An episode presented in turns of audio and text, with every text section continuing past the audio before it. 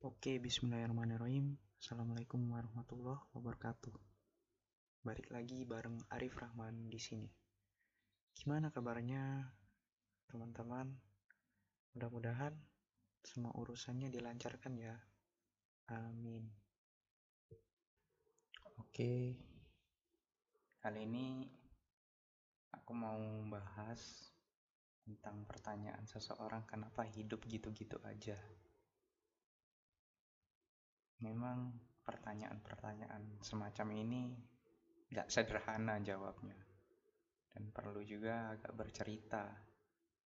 Dan kalau langsung jeblak jawab mungkin ah sotoy kamu rip. Atau kamu kan bukan pakarnya dan sebagainya macamnya ya. Mungkin aku akan menjawab dengan sudut pandangku sendiri, persepsiku sendiri dan juga berdasarkan pengalaman sendiri.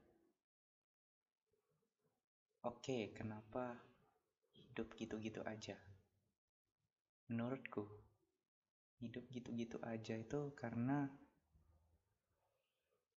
kita sendiri yang tidak membuat keputusan untuk hal-hal yang berbeda atau hal-hal yang baru. Nah, untuk pengalaman aku sendiri, waktu itu ya ngerasa bosan dengan kehidupan yang biasa gitu. Sebagai seorang yang terlalu akademis di waktu SMA dan ingin punya lumayan banyak kawan yang real. Jadi aku buat keputusan untuk berkenalan dengan orang-orang baru dan memulai identitas yang baru dan itu adalah salah satu keputusan yang ya bisa dibilang membuat seperti sekarang ini dan punya teman-teman yang otentik.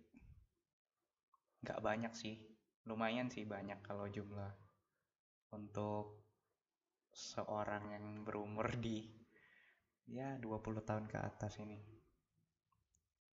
Teman-teman yang bisa diajak cerita ketika kita sedang kesulitan atau bisa dihandalkan saat kita butuh dan juga nyambung ketika kita ngomong apa itu dia ngerti maksud.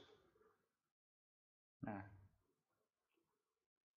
dari sekian banyak yang aku bilang itu tentang membuat keputusan aku juga punya banyak cerita lah kalau dijabarin satu-satu yang mungkin episode ini nggak bakal cukup untuk menjelaskan semuanya. Namun silakan ya dengerin episode dari Welcome to Extraordinary World episode 6 karena itulah yang mulai-mulai merubah sudut pandang episode 10 eh lupa. Pokoknya episode Rise of Sunflower sama episode Proud of My dan Untold Story of Pengamen in, Jalanan Indralaya pengamen legendaris Indralaya silakan dengar. Dan ketika aku mulai membuat keputusan untuk bertemu dengan orang-orang baru dan untuk pertama kalinya aku di saat itu percaya bahwa orang-orang baru itu adalah peluang baru bagi aku maka sekali aku dapat kesimpulan itu langsung terus menerus saja disetel kepikiran bawah sadar. Dan ya yeah, it works for me.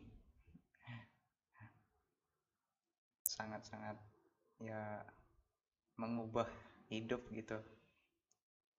Karena satu keputusan kecil saja yang berulang-ulang jadi yang dapat aku simpulkan dari celoteh-celoteh dan cuap-cuap ini ya kalau ingin kehidupan berubah ya buatlah keputusan yang berbeda. Itu aja dari aku. Terima kasih.